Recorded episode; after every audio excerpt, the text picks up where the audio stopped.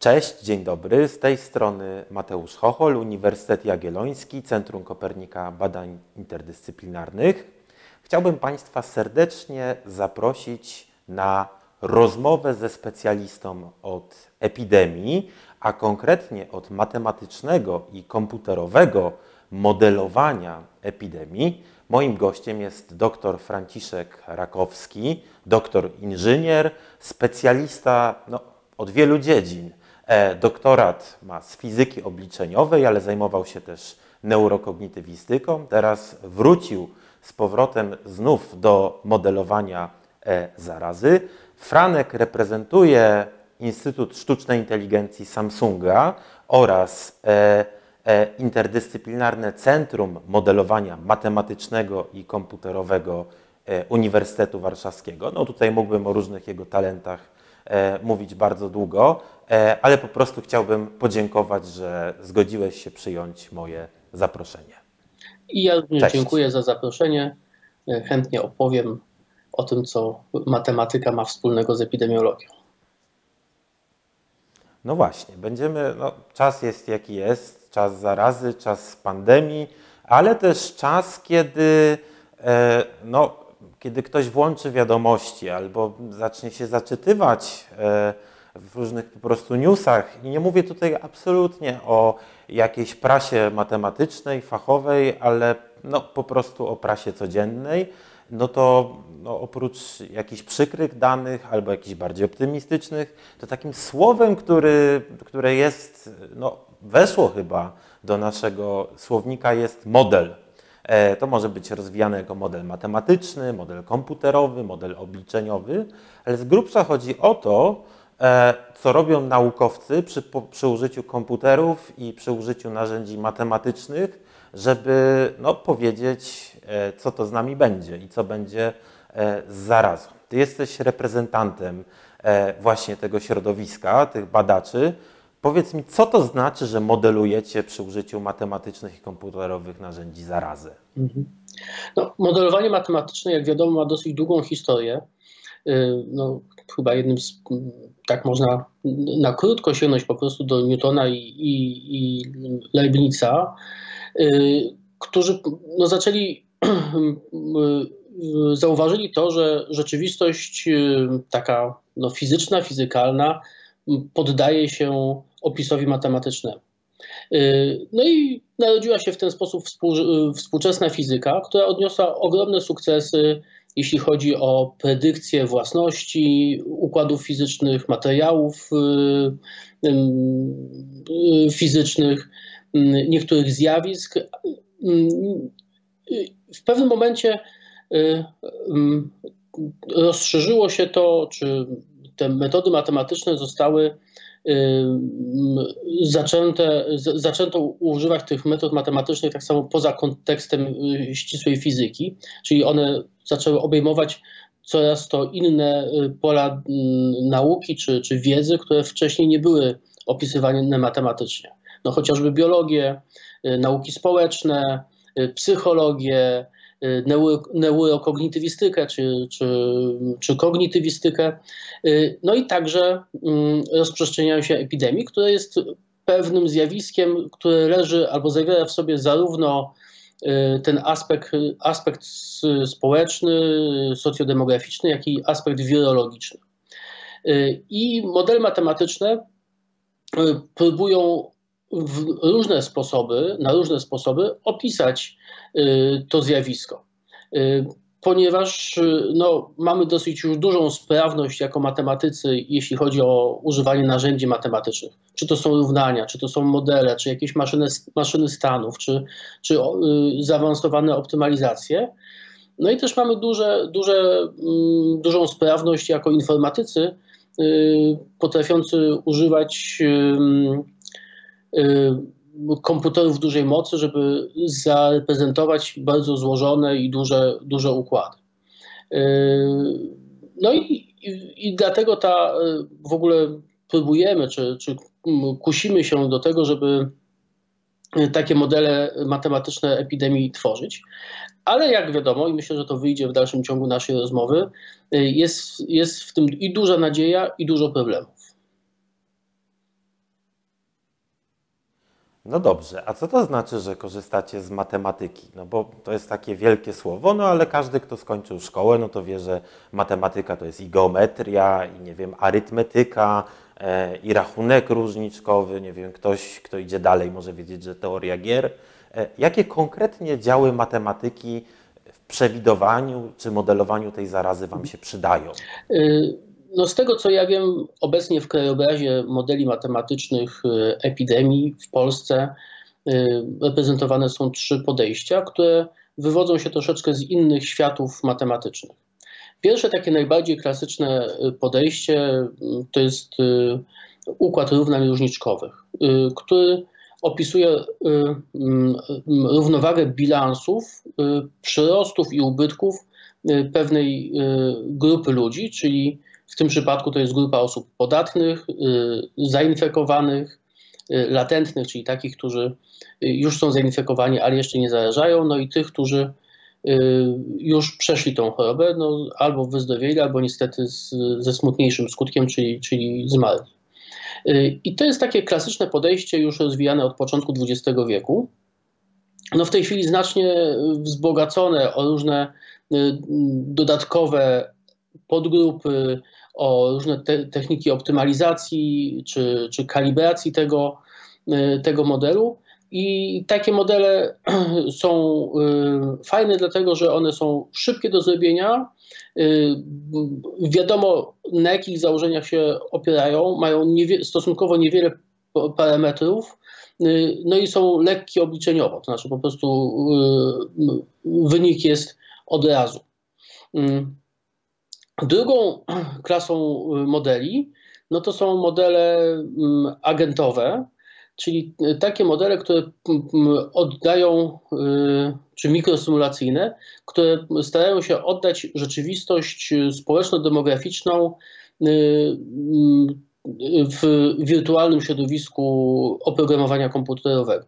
Czyli po prostu staramy się przenieść całą strukturę kontaktów, jaką y, mamy tutaj w rzeczywistości, do komputera. Opisać Y, statystycznie rzecz biorąc, oczywiście to są y, badania zupełnie, zupełnie zanonimizowane. Y, można powiedzieć, że to jest taki model statystycznie równoważny dla tego, co mamy w Polsce, ale nie jest dokładnym odbiciem Polski, prawda? Czyli nie jest przeniesieniem jeden do jednego. I to jest mm, w związku z tym ta metodologia na bardzo wiele umożliwia. Tak? Można tam zareprezentować osobę, jej wiek, jej płeć, gospodarstwo domowe, y, wszystkie inne konteksty, w których fizycznie spotyka się z różnymi ludźmi.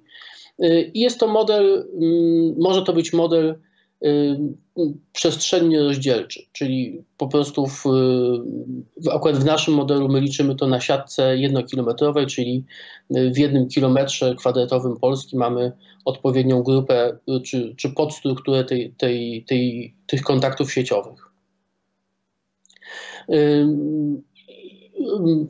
Kolejnym, i to są tak zwane modele, no ja je nazywam generatywne, czyli one zakładają coś o mechanizmie y, rozprzestrzeniania się epidemii, czyli próbują opisać y, tą jakby wewnętrzny mechanizm rozprzestrzeniania się epidemii i na podstawie tego prześledzić, co się może stać. Y, mimo iż są różne, no to należą do właśnie tych, tej jednej rodziny modeli generatywnych. Druga rodzina no to są modele oparte na sztucznej inteligencji. I to są modele no ja je nazywam modelami fenomenologicznymi. Tak? O ile modele generatywne starają się opisać rzeczywistość, o tyle modele fenomenologiczne opisują dane, czyli pewną projekcję tej, tej rzeczywistości już na dane. Y, I w związku z tym nie zastanawiają się nad tym, jaka jest rzeczywistość, znaczy jaki jest mechanizm epidemiologii.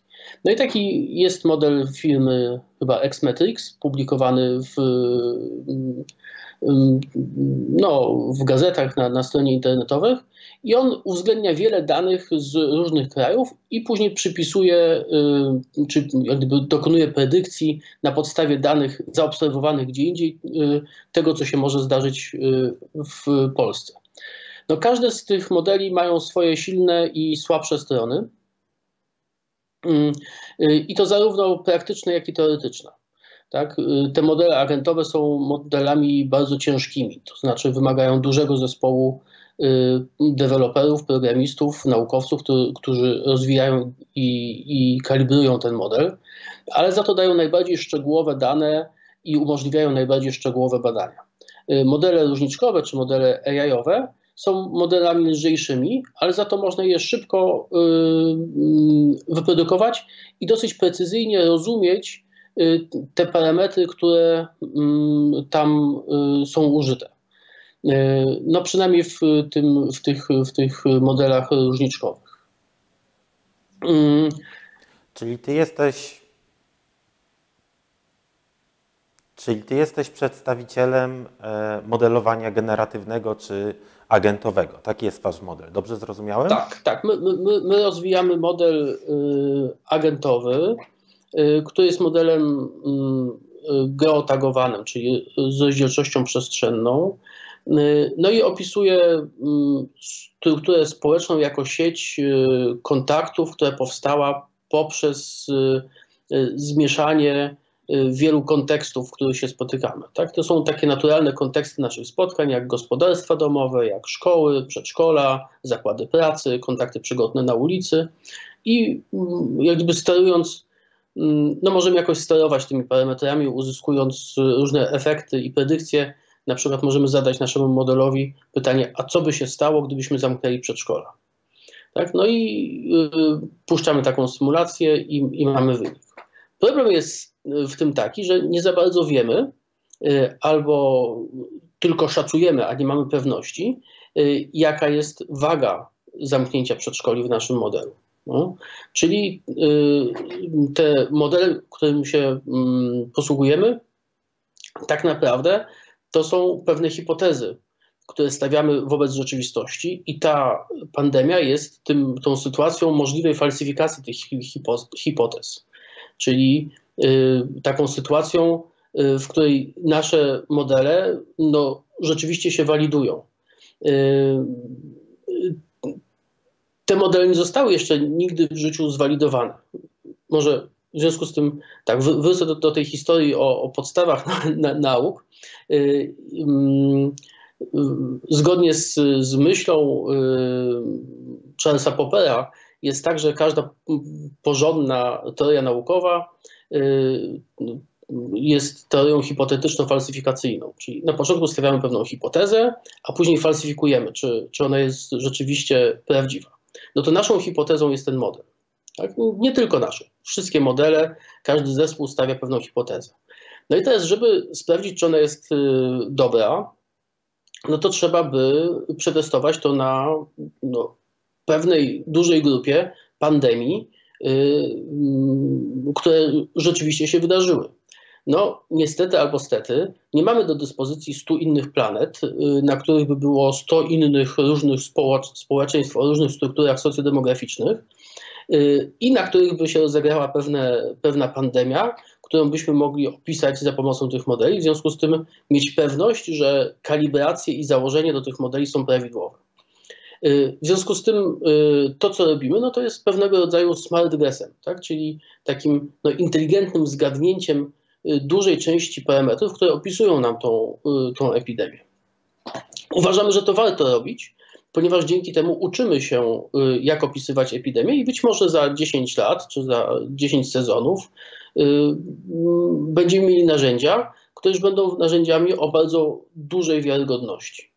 Y, w tej chwili y, mamy narzędzia, które y, no, myślę, że można powiedzieć, że mają zróżnicowaną wiarygodność. No, przykładamy no, oczywiście dużo pracy i wielką wagę do tego, żeby to zrobić zgodnie z najlepszymi praktykami modelarskimi. Natomiast gwarancji tego, że, że to jest, no dokładnie modelujemy świat tak jak, nie wiem, modeluje się lot Y, pocisku balistycznego, no tego nie możemy zrobić. Mhm. Mówiłeś o tej stronie matematycznej, o stronie komputerowej, jeszcze Cię o to pomęczę, e, ale oprócz tego, że jesteście no, modelarzami, jak, jak sami to zresztą określacie, e, to wykorzystujecie, no, Wasz model ma być realistyczny, ma odzwierciedlać prawdziwy świat. To skąd bierzecie dane, e, na przykład te dane socjodemograficzne? Skąd, co jest waszym, skąd bierzecie, skąd krótko mówiąc bierzecie to, przy pomocy czego próbujecie przewidywać, jak z jakimś prawdopodobieństwem może się dalej ciąg wypadków potoczyć. Mhm. Tak. Nasz model opiera się na trzech kategoriach, trzech zbiorach danych. Y, pierwsza kategoria to są właśnie te dane y, opisujące strukturę socjodemograficzną naszego kraju. Y, dane dotyczące po pierwsze ilości osób, rozkładu wiekowo-płciowego tych ludzi, ilość gospodarstw domowych, składu gospodarstw domowych, to są dane dostępne no, w dużej mierze y, w Głównym Urzędzie Statystycznym. Jeśli nie tam, no to w pewnych opracowaniach, y, a jeśli nie, nie tam, no to y, prowadzimy badania kwestionariuszowe, czyli ankiety i pytamy się o pewne rzeczy, które no, opisują, mogą pomóc nam w dobrym opisaniu struktury Y, socjodemograficznej w Polsce. Y, to jest y, praca dosyć taka żmudna i precyzyjna, ale ona jest wykonywalna, w tym sensie, że to po prostu można sobie wyobrazić, że to jest do zrobienia. Tak, że, to, że, to, że to można zrobić przy odpowiednim nakładzie środków i, i badań czy, czy pomiarów. Druga y, kategoria danych no to są dane o rzeczywistym przebiegu epidemii dotychczas i różnych y, pochodnych y, y, liczbach, które z tego wynikają. Czyli to jest informacja o mm, rzeczywistych rejestracjach osób zakażonych, czyli to, co najczęściej mówimy o przypadkach pozytywnych. To jest informacja o tym, ile osób jest w kwarantannie. To jest informacja o kontekstach w których doszło do, do zakażenia. Y, ale tutaj jest znowu problem, y, ponieważ y, no, wiadomo, że to też nie są informacje pełne czy pewne. Tak? No, mamy ileś osób zarejestrowanych jako zakażone, ale nie wiemy, ile osób naprawdę jest zakażonych w społeczeństwie. Tak? Ta, ta, ta liczba może być dwukrotnie, może sześciokrotnie, może dwunastokrotnie większa niż to, co podaje nam Ministerstwo Zdrowia. No i tutaj trzeba zaznaczyć, że to nie jest problem Ministerstwa Zdrowia. To jest problem układu, y, który jest mierzony. Znaczy, po prostu, nie, żebyśmy wiedzieli, ile naprawdę osób jest w społeczeństwie chorych, trzeba by codziennie każdego badać testem, czyli wykonywać codziennie, no powiedzmy 30 milionów y, testów. Wtedy byśmy wiedzieli naprawdę, jaki jest procent osób zakażonych, ile przechodzi objawowo, ile bezobjawowo i tak dalej, i tak. Tego żadne państwo nie jest w stanie udźwignąć. W związku z tym no, mamy dane takie, jakie, jakie mamy. No i trzecia kategoria danych to są dane o dane medyczne czy dane y, wirologiczne które opisują y, przebieg y, tej choroby, czyli jak długo trwa choroba, y, ile dni jest czas, trwa czas inkubacji, ile trwa czas infekcji, ile czasu potrzebuje pacjent, żeby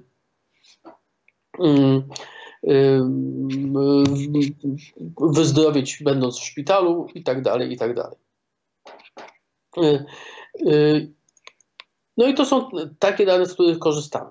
Y, jednym z podstawowych y, parametrów jednak modelu no to jest parametr, który mówi o y, transmisyjności wirusa, czyli jaki jest, jaka jest zaka, zaka, zakażalność, zakaźliwość wirusem. No i ten, ten parametr taki ogólny to z reguły się kalibruje do danych obserwacyjnych, tak? czyli wszystkie inne parametry ustala się na podstawie właśnie jakichś takich mądrych domysłów, czyli smart guessów, a parametr, który mówi o ogólnej y, transmisyjności wirusa, dopasowuje się do przebiegu y, y, epidemii obserwowanej obecnie w naszym kraju czy w innych krajach. Tutaj warto podkreślić, że ta Wasza praca jest niezwykle interdyscyplinarna, że oprócz tego, że siedzicie przed komputerami, no to e, tutaj jest część taka researchowa, no i jest poleganie na ogromnej e, klasie różnych danych, danych wirologicznych, na naukach społecznych. No dla mnie bardzo ciekawe jest to, że sami robicie badania, nie, nie bazujecie tylko na tym, e, no, co można zaczerpnąć na przykład z GUS-u, więc to, to jest, wydaje mi się, to może być coś nowego dla e, części e, naszych słuchaczy. Opowiadałeś o Waszym modelu, ale opowiadałeś też o różnych innych podejściach. Czy w Polsce, no bo to jest kontekst, który nas najbardziej interesuje, są jakieś grupy, które, no nie chcę powiedzieć konkurencyjne, ale które robią też jakieś modele i w czym te modele, jeśli tak jest, to się różnią od Waszego? Mhm. No w Polsce y, y, y, one są może konkurencyjne, ale w tym etymologicznym y, znaczeniu tego słowa, czyli współbieżne. Y, współbieżne i tak chcemy to utrzymać, y, żeby to był w tej sytuacji wydaje mi się, że najlepszą strategią jest utrzymywanie niezależnie kilku dobrych modeli, które znają się i przyjaźnią między sobą, ale za, za mocno nie współpracują, tak żeby one nie, nie, nie, nie zbiegły do jakiegoś jednego scenariusza, no poprzez y, no, jakąś taką y, konwergencję, y, żeby uniknąć jakiegoś grubego, systematycznego błędu, który, który no, w jednym z modeli może się, się pojawić. Także obecnie poza naszym modelem jest model na Politechnice Wrocławskiej rozwijany profesora, profesora Tyla Krugera, który jest też modelem agentowym. To jest model bardzo fajnej i doświadczonej grupy. Profesor Tyl zajmuje się epidemiologią od dawna. Bardzo mają za sobą jakby precyzyjny aparat matematyczny, który opisuje strukturę sieciową i własności dynamiki na, na sieciach. I oni skupiają się na analizie linii krytycznej, czyli przejścia krytycznego między Y, taką sytuacją, kiedy epidemia jest y, w stanie nadkrytycznym, czyli mamy narost, albo epidemia jest w stanie podkrytycznym, czyli mamy spadek. Y, I to jest podobnie jak w innych układach, tak zwane. Spadek zachorowań. Spadek zachorowań, tak. Mamy no, możliwość obserwacji tak zwanego przejścia fazowego, tak, między dwoma reżimami, podkrytycznym i nadkrytycznym. My to u siebie też obserwujemy, natomiast grupa Tyla to bardzo systematycznie i dobrze bada. Y, I badają także y, zdolność y, mitygacji epidemii, czyli, czyli ograniczenia poprzez wprowadzenie takiego mechanizmu backtracingu, czyli wyłapywania i izolacji osoby, które potencjalnie mogły mieć kontakt z zachorowanym. I mm, tak, ich model jest oparty o strukturę sieciową właśnie gospodarstw domowych i innych kontaktów, natomiast nie jest to y, struktura y, przestrzeni rozdzielcza, czyli nie, nie mają tego rozłożonego po, y, po Polsce. Dalej jest nasz model, o którym już, już wspominałem. I dalej są modele prowadzone przez na Uniwersytecie Warszawskim, Warszawskim przez Wydział Matematyki, y, Informatyki i Mechaniki chyba, MIMów, słynny.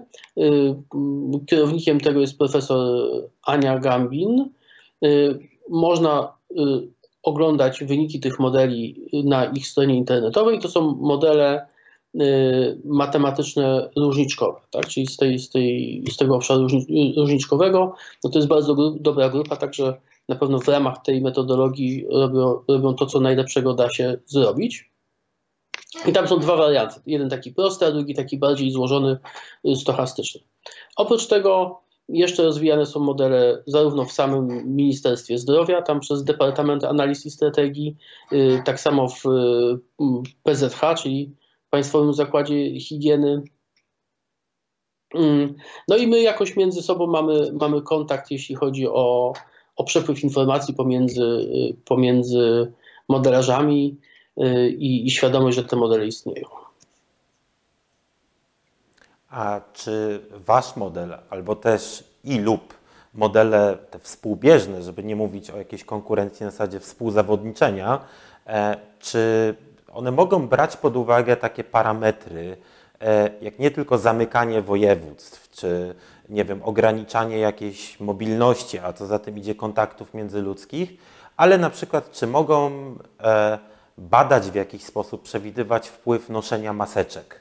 Dajmy na to, czy jesteście w stanie coś powiedzieć w tym matematycznym, naukowym reżimie, E, na temat tego, czy jak założymy i będziemy rzeczywiście nosić te maseczki, załóżmy, że poprawnie, czyli też z zakrytym nosem, no bo to, z tym to różnie jest, jak tutaj do studia przyjeżdżałem, to też, też sporo widziałem. E, czy, czy krótko mówiąc, no, wy jesteście w stanie coś przewidywać w tej materii? Y, odległość między faktem noszenia a nie noszenia maseczek, a modelem matematycznym jest dosyć duża. To znaczy... Yy żeby model to mógł dobrze uwzględnić, y, potrzebne by były badania na poziomie wirologicznym y, o wpływie maseczki na transmisyjność wirusa. Są takie badania, ale no prowadzone tylko przez taki, to chyba układ eksperymentalny był taki, że był fantom i był rozpylany aerozol i na fantomie była nałożona maseczka i patrzyli, ile drobinek y, wirusa z rozpalonego aerozolu dostaje się do środka fan, y, fantoma. Tak? No ale to jest tylko jeden aspekt, dlatego że wydaje nam się, że maseczki bardziej potrzebne są nie tym osobom, które są zdrowe, żeby się ochroniły przed chorobą, bo to nie wiem, czy za bardzo chroni, ale tym, które są chore, żeby nie rozpylały y, wirusa w aerozolu. I teraz jaki jest stopień tego zabezpieczenia y, przez maseczki, tylko nie wiadomo w szczególności, że te maseczki są bardzo różnej jakości. Jeden ma bawełniane, inny lniane, a inny ma faktycznie FPP3 czy FFP2, prawda? Także y, to, to jest trudno y, opisywalne, w związku z tym ten aspekt takiej ogólnej transmisyjności wirusa my po prostu do, dokalibrowujemy do danych obserwacyjnych z bieżącej y, epidemii, tak? bo, bo, nie mamy innego wyjścia. To, co, to, co chcemy y, y, kalibrować z innych źródeł, no to jest jakby podział y, tej y, transmisyjności na różne konteksty. Czyli przyjęcie odpowiednich proporcji, ile ile prawdopodobieństwa zakażenia jest z ulicy, ile prawdopodobieństwa zakażenia jest z gospodarstwa domowego, ile, z przedszkola, ile, ile ze szkoły.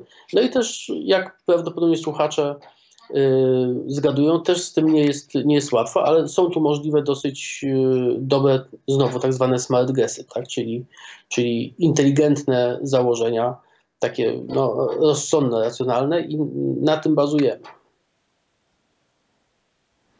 To, to może zdrać, co, co takiego zgadliście? Jakie jest na przykład różnica tego prawdopodobieństwa zarażenia się na ulicy, a dajmy na to w jakimś większym skupisku ludzi, nie wiem, niech to będzie galeria. No, największe prawdopodobieństwo zakażenia jest oczywiście w gospodarstwie domowym. Tak, rozumiane, rozumianym dosyć szeroko, y, bo to gospodarstwa domowe to nie tylko nasze mieszkania rodzinne, ale tak samo domy opieki społecznej, to tak samo więzienia, tak samo y, może i koszary, a może i zakony, tak? czyli wszędzie, gdzie ludzie korzystają, mieszkają razem, korzystają ze wspólnych y, pomieszczeń i mają ze sobą dzienny kontakt. To jest ewidentnie naj, największy, największa transmisyjność zachodzi tam. Jeśli chodzi o Y, o przedszkola i szkoły, y, to, no to transmisyjność jest jakimś tam, jakąś częścią y, tego. Także nie ma znowu aż tak wielkiego znaczenia, aczkolwiek przy całym przebiegu epidemii ma, no to ewidentnie widać, widać zmianę i no to rozważamy kilka scenariuszy, tak w zależności od tego, jak, jaka, jak intensywna jest ta transmisja w przedszkolach. No też trzeba wiedzieć, że przedszkola są inaczej otwierane, inaczej prowadzone w tej chwili, a inaczej przed czasem epidemii. Także jeszcze tutaj jest dodatkowy czynnik, który utrudnia to y, dobre oszacowanie. A jeśli y, mówimy cały czas o epidemii, mamy na razie na myśli ten nasz COVID-19, na ile epidemię różnią się między sobą. Ty, jak wiem, i pewnie większość z naszych e, słuchaczy już mogło o tym usłyszeć w mediach, no to nie jest Twoje pierwsze podejście do modelowania zarazy. No 10 lat temu już mieliście model, e, przedstawiliście go, no on nie spotkał się z takim powiedzmy zainteresowaniem jak powinien, no ale to nie był przecież model COVID-u.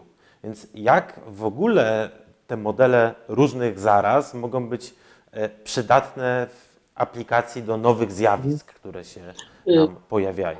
Czy gdybyście rozwijali ten model, który mieliście już no, jakiś czas temu, to około dekady, to czy on teraz byłby przydatny, czy musielibyście zaczynać w pewnym sensie od zera? Mhm.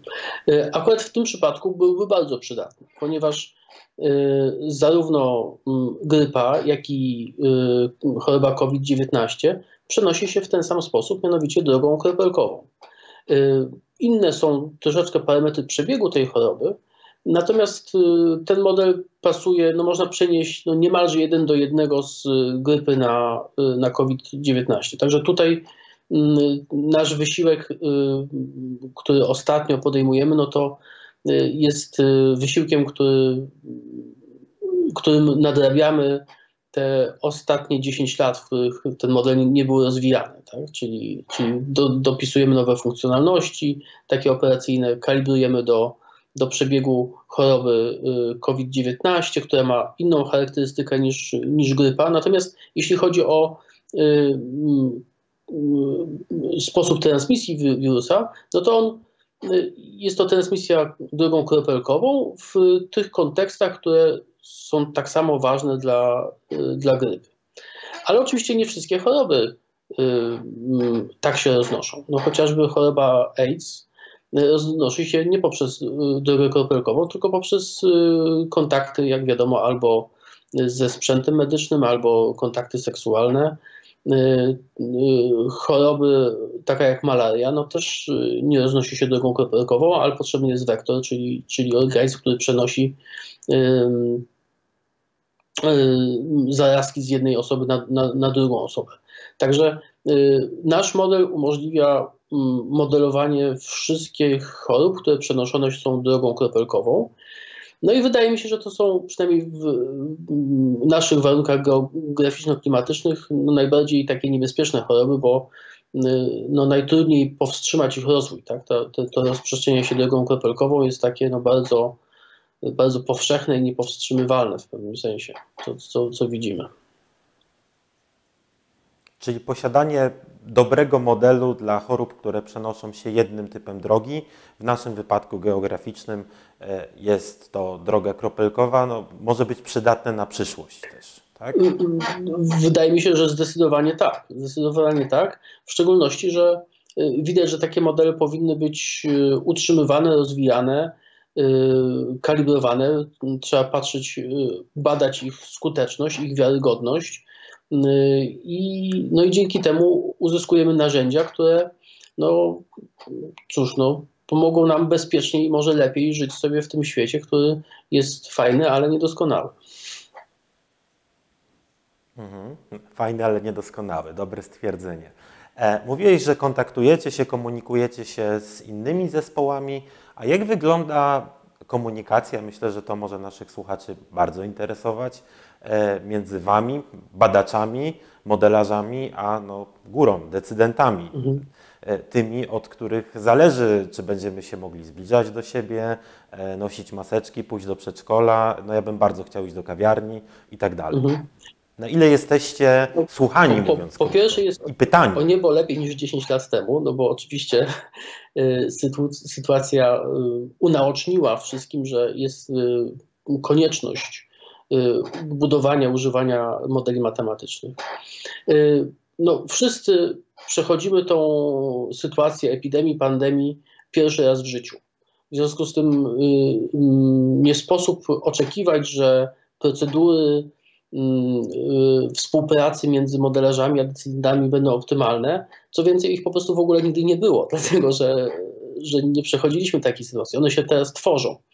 W związku z tym y, ja mam nadzieję, że za parę miesięcy będę mógł powiedzieć, że y, zostały utworzone optymalne y, procedury czy optymalne sposoby współpracy pomiędzy decydentami a modelarzami. Bo to z jednej strony modelarze muszą to, o czym już wspominałem, być świadomi tego, że modele, które produkują, nie są modelami doskonałymi, nie są modelami idealnymi i nie mogą wierzyć w nie ślepo, znaczy muszą być y, no, mistrzami podejrzeń w stosunku do tego, co y, produkują. I to jest bardzo ważna taka, no nie wiem, pokora modelarza w tym, co, co jak, jak podchodzi do, do swojego dzieła. A z drugiej strony są decydenci, którzy też muszą nauczyć się zadawania pytań modelarzom.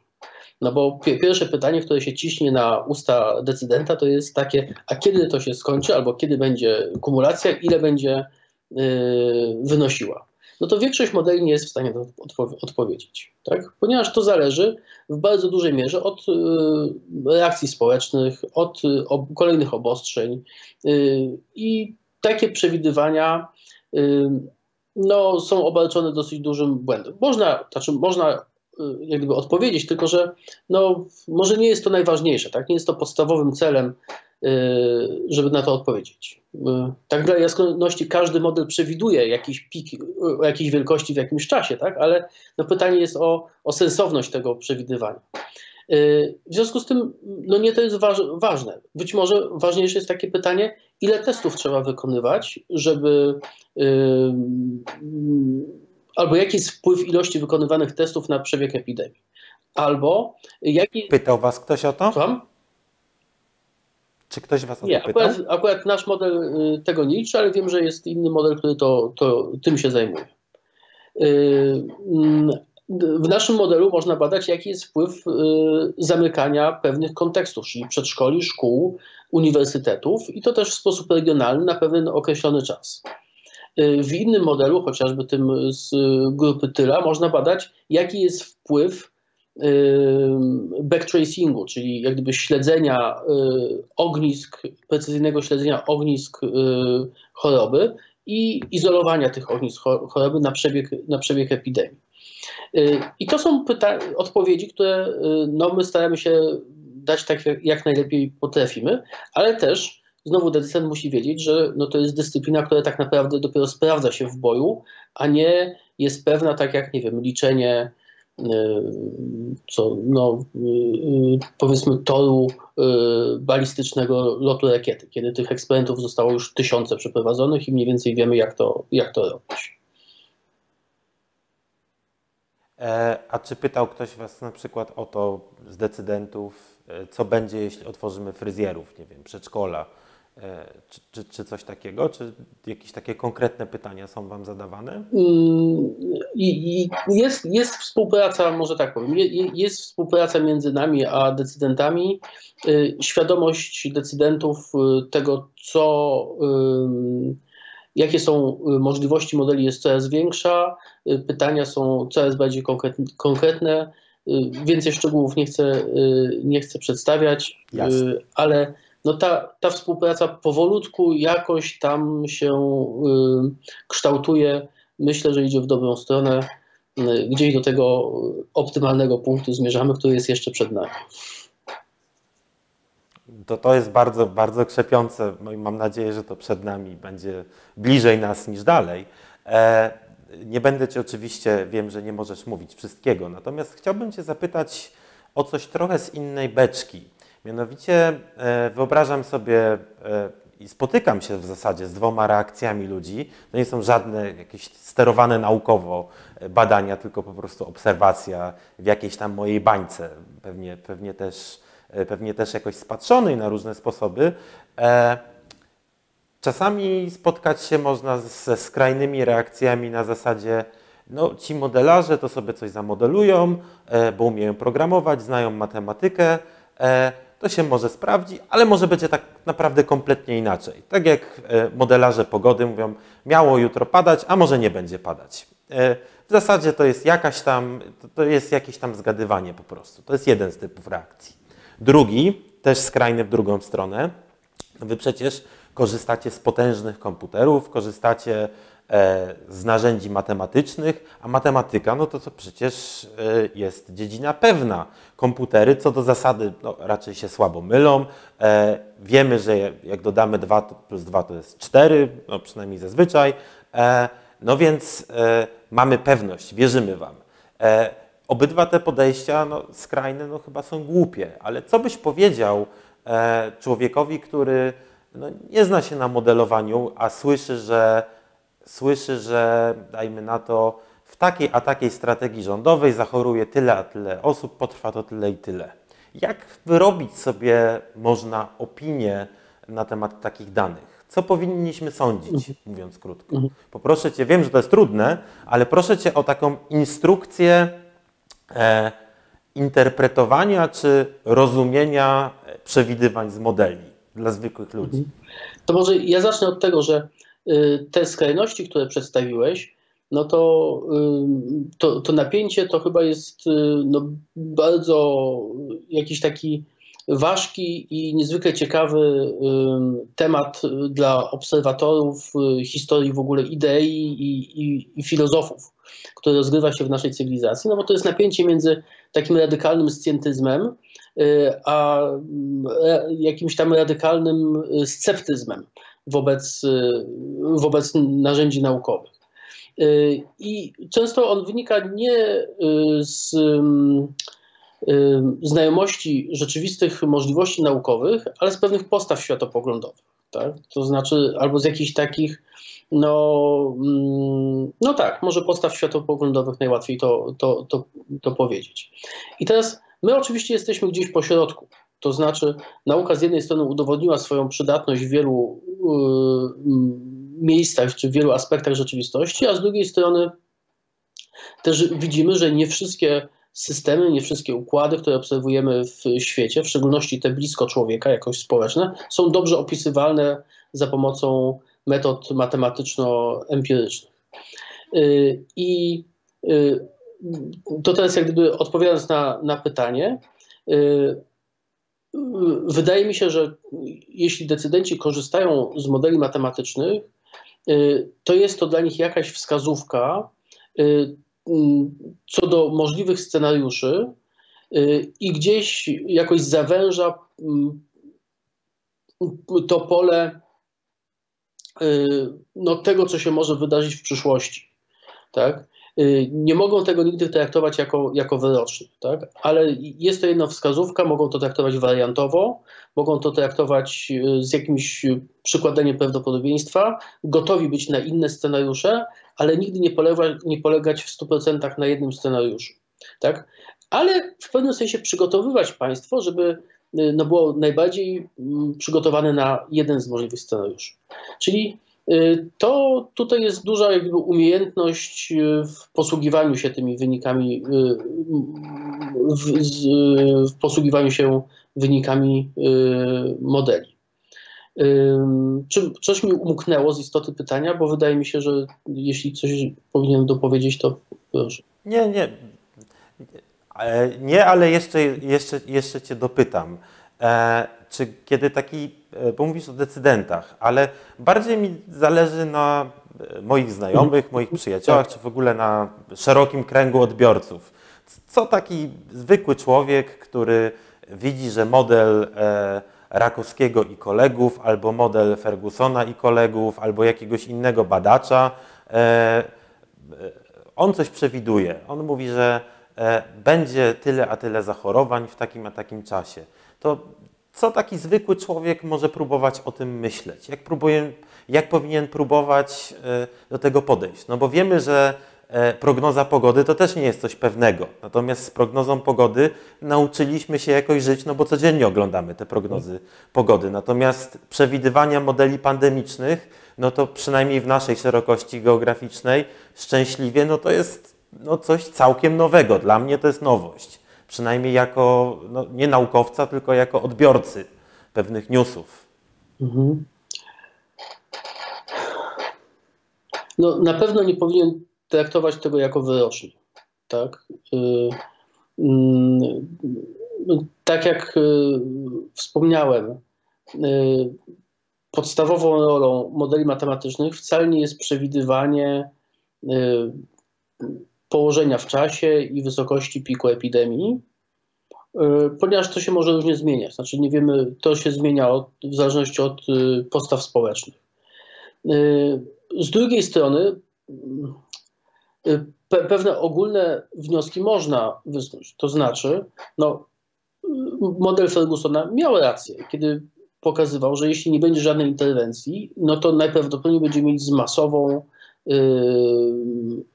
pandemią, która obejmuje ogromne rzesze społeczności, społeczeństwa. Tak? Yy, I póki co ta konkluzja nie może być podważona, podważona. Tak mi się wydaje. Tak mi się wydaje. Także ja myślę, że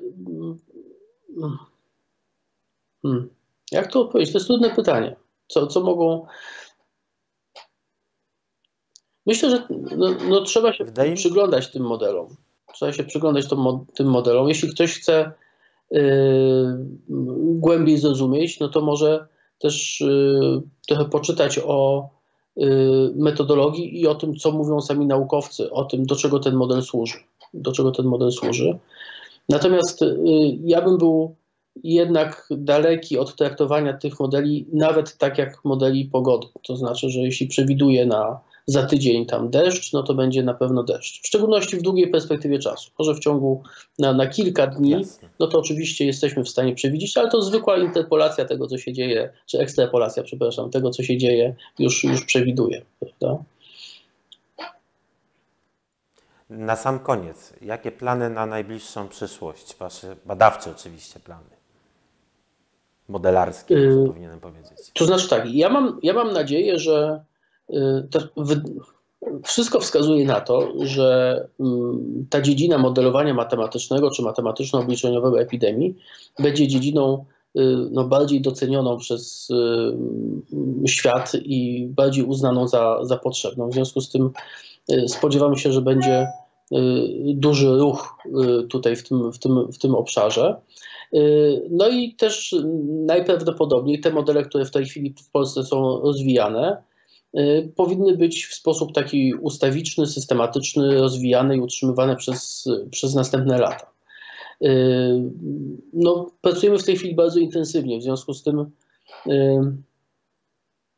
mm, też produkujemy bardzo dużo wyników, które no, można będzie opublikować w czasopismach naukowych.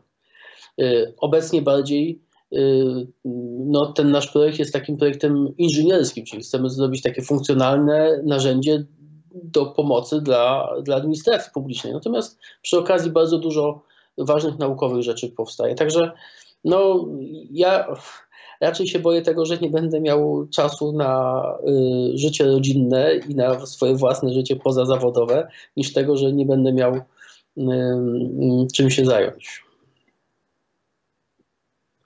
No to cóż, to, to jest takie zakończenie, które nie pozostawia mi nic innego, tylko powiedzieć, że nie chcę zabierać Ci więcej czasu, a zarazem bardzo, bardzo podziękować, że trochę z tego swojego czasu już z prywatnych rozmów wiem, jak dużo pracujecie, e, więc bardzo dziękuję, że no, znalazłeś go dla mnie i dla naszych e, słuchaczy, odbiorców. Moim gościem był dr Franciszek Rakowski, firma Samsung E, Instytut Sztucznej Inteligencji i Interdyscyplinarne Centrum Modelowania Matematycznego i Komputerowego Uniwersytetu Warszawskiego. Bardzo Ci dziękuję jeszcze raz. Dziękuję również i życzę wszystkim dużo zdrowia.